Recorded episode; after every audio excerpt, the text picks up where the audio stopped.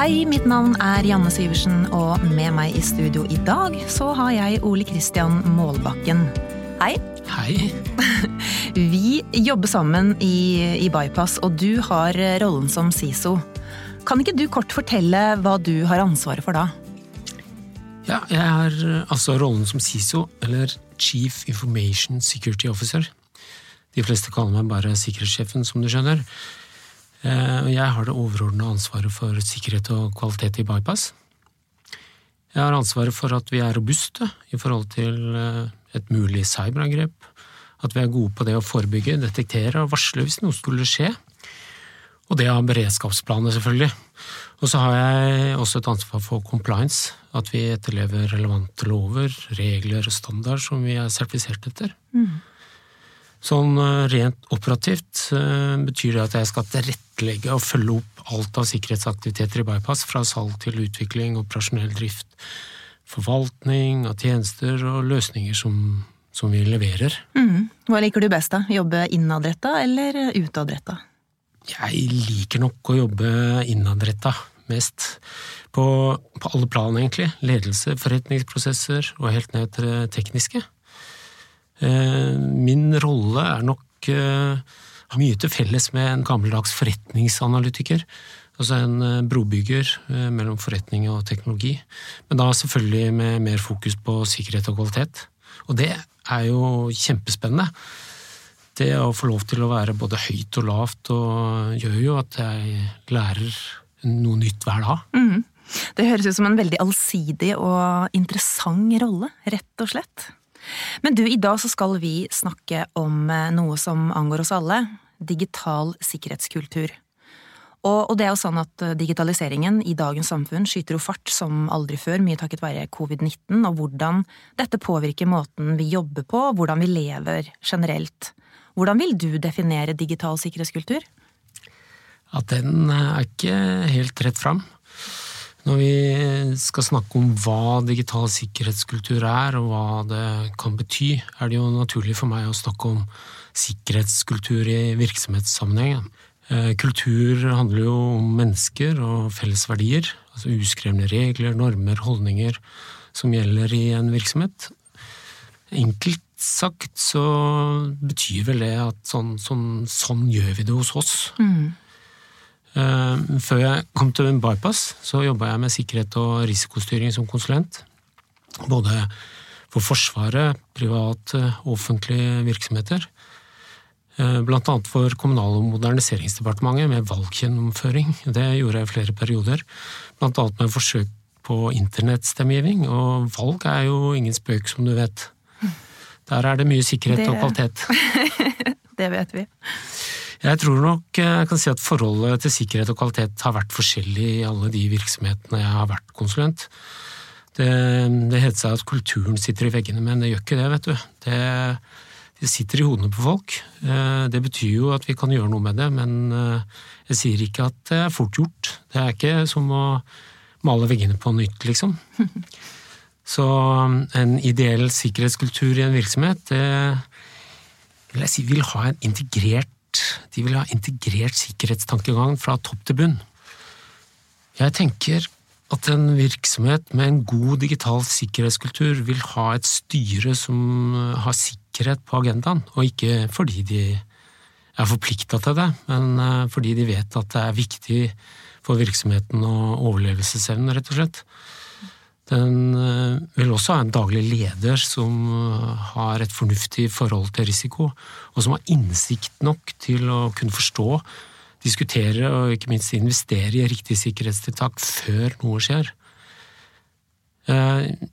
Tror at hvis sikkerhet inngår som en naturlig del av det å lede en virksomhet, og det gjenspeiles i tankene som kommer til uttrykk, holdningene og måten en leder opptrer, så, så, tror jeg det vil være et viktig bidrag til å påvirke den digitale sikkerhetskulturen. Dette tror jeg er undervurdert, rett og slett. I en virksomhet med ideell sikkerhetskultur vil alle ta ansvar for å trygge virksomheten ved å gjøre de riktige tingene. Altså det å ikke ta shortcuts for å komme fortere fram, eller å gjøre det enklere for seg selv, selv om du vet at det innebærer en risiko. Og da ikke bare for deg, men for, for hele virksomheten som du får lønna di fra. Og når det gjelder atferd, så vet vi jo av erfaring at folk kan velge å se bort fra risiko, selv om det faktisk kan være livsfarlig. Jeg tenker ikke på basehoppere da og ekstremsportutøvere, for de er gjerne flinke til å kalkulere risiko. Nei, jeg tenker mer på de som lukker øya. Mm.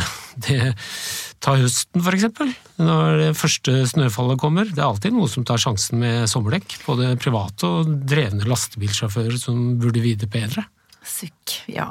Jeg kan fortsette. Jeg har mange tanker om dette. Ja, jeg vet. Eh, I en virksomhet for eksempel, med god sikkerhetsstruktur så har de funnet den ideelle balansen mellom risiko og sikkerhetstiltak. Altså tiltak som folk forstår er nødvendig. Eh, som er lette å følge, men som kan være litt vonde å føle på hvis de velger å se bort fra dem. En slags eh, fartsdemper, liksom. Mm. En, en hump som det går an å passere fint i riktig hastighet, men som blir ubehagelig når du kjører for fort. Mm. Veldig godt bilde. Men du, det, det, gjennomføres eh, en del eh, undersøkelser, og NorSIS, Norsk senter for informasjonssikkerhet, de har eh, gjennomført en undersøkelse blant nordmenn om digital sikkerhetskultur. Og der inviterte de respondentene til å svare åpent på dette spørsmålet. Hva mener du er hovedutfordringen med digital sikkerhet, og eh, generelt så peker disse svarene i retning av følgende tre hovedkategorier. Der den ene er eh, at den enkelte har for lite informasjon eller for dårlige ferdigheter til å kunne beskytte seg selv. Den andre kategorien den eh, går på at de eksterne truslene, eksempel kriminelle, er såpass avanserte at man ikke klarer å beskytte seg selv. Og så den tredje, utviklingen går for raskt, eller det er for komplekst å sørge for god beskyttelse. Så i bunn og grunn så kan vi vel egentlig si at veldig mange føler seg litt hjelpeløse. Hva tror du er årsaken til det? Ja, jeg tror eh, grunnen til at mange føler seg litt hjelpeløse, skyldes en kombinasjon av det du sier, av de hovedkategoriene. I tillegg er det jo også sånn her i Norge at vi har høy tillit til myndighetene, og at vi gjerne liker å tro det beste om folk. Det, det er jo også vel og bra, selvfølgelig, men, men, baksiden av denne medaljen er at man kan være litt for godtroende. Eh, så, så, når du er litt naiv og ikke forstår teknologien og ikke vet om truslene, da, da, er du ikke bare hjelpeløs i denne nye digitale verden, men du er også sårbar, tenker jeg. Mm. Godtroenhet, manglende kompetanse og en utvikling som, eh, som, går veldig raskt, og som for mange fremstår som kompleks, er jo selvfølgelig en perfekt arena for svindlere og bedragere som behersker denne teknologien. Mange skjønner jo ikke at en person i for eksempel India kan romstere i din PC, her i Norge, liksom. Mm. Spesielt uh, gjelder nok det litt godt voksne mennesker. Jeg tror det må til et felles løft for å føre folk trygt inn i den digitale hverdagen, et slags svømmekurs så de ikke går under når de skal svømme rundt i denne digitale verden med ID-tyverier, svindler og falske nettsider, e-poster osv. osv. Ja, og ikke sant, da, da, er vi kanskje avhengig av en, av en eh, slags sterk dugnadsånd, da, slik som vi ser i disse covid-tider. Og der er i hvert fall mitt inntrykk at eh, de fleste er jo med, de fleste tar ansvar, og de gjør en innsats. Og da vil jeg jo også nevne Nasjonal sikkerhetsmåned, som er en eh, nasjonal dugnad for å fremme dette med informasjonssikkerhet. Både for folk flest, men, eh, men også for virksomheter. Og eh, det er jo NorSIS som leder dette prosjektet i Norge, og de er jo virkelig med på å gjøre en forskjell sammen med de som deltar her. Og kanskje det er det vi trenger, kanskje vi trenger flere tilsvarende initiativ som iverksettes gjennom hele året. Og da er vi litt over på dette med, med opplæring, og dersom vi skal snakke om opplæring innen digital sikkerhet, hvilke opplæringsmetoder tror du vil fungere for folk flest? Ja, jeg, jeg, tenker jo at folk eh, flest må generelt må bli mer bevisst. Eh, skjønne mer av hvor utspekulert eh, noen kan være. Og teknologien må være enkel og sikker, slik at det ikke er nødvendig å ha inngående kunnskap, rett og slett. Teknologien må veilede deg til å gjøre de riktige tingene og ta de riktige valgene. Det, dette her fikser vi jo på andre områder. Vi kunne gjøre det samme her, tenker jeg. Bil, for eksempel. Du har lane assist, du har break assist, osv. Ja. Jeg tror også at vi må få mer bevissthet rundt dette temaet i skolen, eh, gjerne på et tidlig trinn. Hvordan bli en digital samfunnsborger. Med hvordan man bør oppføre seg, vurdere kilder, lære om hvilke farer som lurer. Dette med bildedeling, for eksempel, og apper som eh, samler inn informasjon om deg uten at du skjønner det. Det å bli bevisstgjort og få mer kunnskap om dette tidlig i livet, det syns jeg er, eh, bør være fornuftig. Det bør også følges opp i videregående skoler og universitet, eksempel, som, som fag. Mm. Skal vi innlemme sikkerhet i utvikling og drift, må det også være integrert i utdannelsen, tenker jeg, ikke bare som et eget fag. At en utvikler ikke har hørt om OVASP, for eksempel, eller har lært om risikoene knyttet til manglende input-kontroll, for eksempel, er ikke bra. Jeg har opplevd det. Mm. Men når det er sagt, så mener jeg jo at det skal være et eget fag også. Eh, men da på, på et annet nivå, på sikkerhetsledelse. Generelt mener jeg sikkerhet må være en del av det daglige arbeidet, altså. På masterstudiet på Gjøvik ble jeg innprentet uh, om at sikkerhet ikke var et Eh, prosjekt, men en levende prosess. Mm. Og for meg betyr det kontinuerlig påvirkning, målinger, oppfølginger og forbedringer. Så, så har jeg sagt det. Mm. Og jeg vet at uh, du har sagt veldig mange ganger at sikkerhet det handler ikke om uh, konkurranse. Sikkerhet er ikke konkurranse. Her er vi veldig mange som må samarbeide for å rett og slett øke bevisstheten der ute. Men uh, hvis vi da går videre og ser på digital sikkerhetskultur tre år frem i tid, hva med deg? Er du en fremtidsoptimist? Jeg må jo være optimist, selv om jeg jobber med risiko og risikostyring. Men når det gjelder eh, tekniske tiltak, så, så, er det ett område som jeg er rimelig overbevist om at kommer til å bli mer fokus på, og det er falske profiler og falske nettsteder. Ja.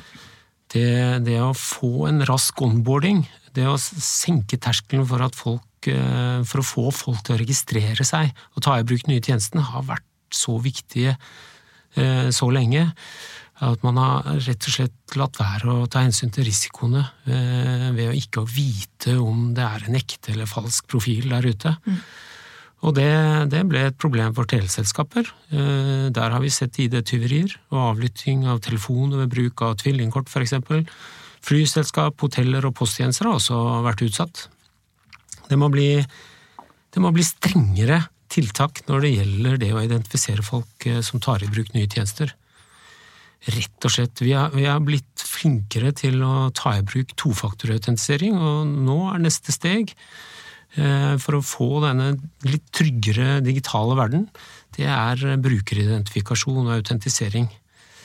Mm. At du rett og slett er den du utgir deg for å være. At folk kan stole på det. En, en, kunde bør jo enkelt kunne se at nettbutikken er ekte og trygg og handelig. Det bør jo være sånn. På, på, samme måte bør jo en nettbutikk kunne vite at den som handler, er den samme som den som betaler, eksempel. Mm. Og dette her er jo dritspennende, og da jobber jeg jo på riktig sted. Absolutt, og vil bare presisere dette med identitet. Og er det én ting vi snakker veldig mye om, uansett hvilken arena vi er på, så, så handler det jo om det her med at man må kunne stole på at man kommuniserer med den med, med, med de rette personene, rett og slett. Så, så identitet, det er et, eh, et viktig stikkord. Absolutt. Men du, i din rolle som, eh, som CISO, så jobber jo du hele tiden med å påvirke til holdningsendring. Påvirke de ansatte til å ta riktige og trygge valg, basert på ulike eksterne digitale trusler som til enhver tid endrer seg. Vil du dele noen råd til andre som sitter med tilsvarende ansvar i andre bedrifter? Ja, nå er det jo ikke sikkert at jeg har den eh, riktige oppskriften på det, men eh, Men du har litt erfaring? jeg har litt erfaring. Eh, målet mitt er jo den ideelle sikkerhetskulturen som jeg, som jeg har snakka om, men, men, samtidig så vet vi jo at det ikke er så lett. Det kan jo rett og slett være litt frustrerende, men, men for det aller meste så er det veldig spennende og interessant. Eh, når det å snakke om risiko og sikkerhetstiltak ikke akkurat eh, er et samtaleemne som folk flest er opptatt av, så må vi jo finne alternative måter å, å snakke på for å kunne påvirke kulturen. Ellers så ville det faktisk blitt mange lunsjer i ensomhet. Ja, kanskje det. Men når jeg er i en situasjon hvor risikotiltak faktisk må og skal diskuteres og besluttes, da har jeg noen prinsipper som jeg følger, da. Mm -hmm. Som kanskje kan være noe å bringe videre. Jeg, jeg forenkler så langt det lar seg gjøre. Det jeg sier skal kunne forstås av ledere så vel som forretningsutviklere, IT, drift og produksjon, tenker jeg. Når jeg skriver, så tenker jeg at jeg må gjøre det så kort som mulig. Lange setninger og lange avsnitt med et innhold som ikke er så interessant for de fleste i utgangspunktet, er jo ikke akkurat en god strategi. Og så forsøker jeg å finne relevante eksempler som kan få folk engasjert. Et greit eksempel, eller en analogi som kan være bra, jeg kan sette i gang en diskusjon da, da, trenger du ikke å være teknisk kompetent for å bidra, liksom, når du diskuterer en analogi. Mm. Så språket er viktig. Stammespråket står i veien for å bygge god sikkerhetskultur, det er jeg ganske sikker på. Absolutt. Diskusjoner krydra med, med ord som for eksempel CIA, ATP, SMS, DDoS, IDS osv. osv. Det, det egner seg ikke til å engasjere de som ikke er innafor. Altså. Nei, jeg er helt så, enig. Så bottom line, keep it simple, sier jeg. Ja, keep it simple. Keep it simple og eh, keep up the good work. Skal vi la det være siste ord, da, eller? Ja, det syns jeg. Ja, takk for praten. Takk i like måte.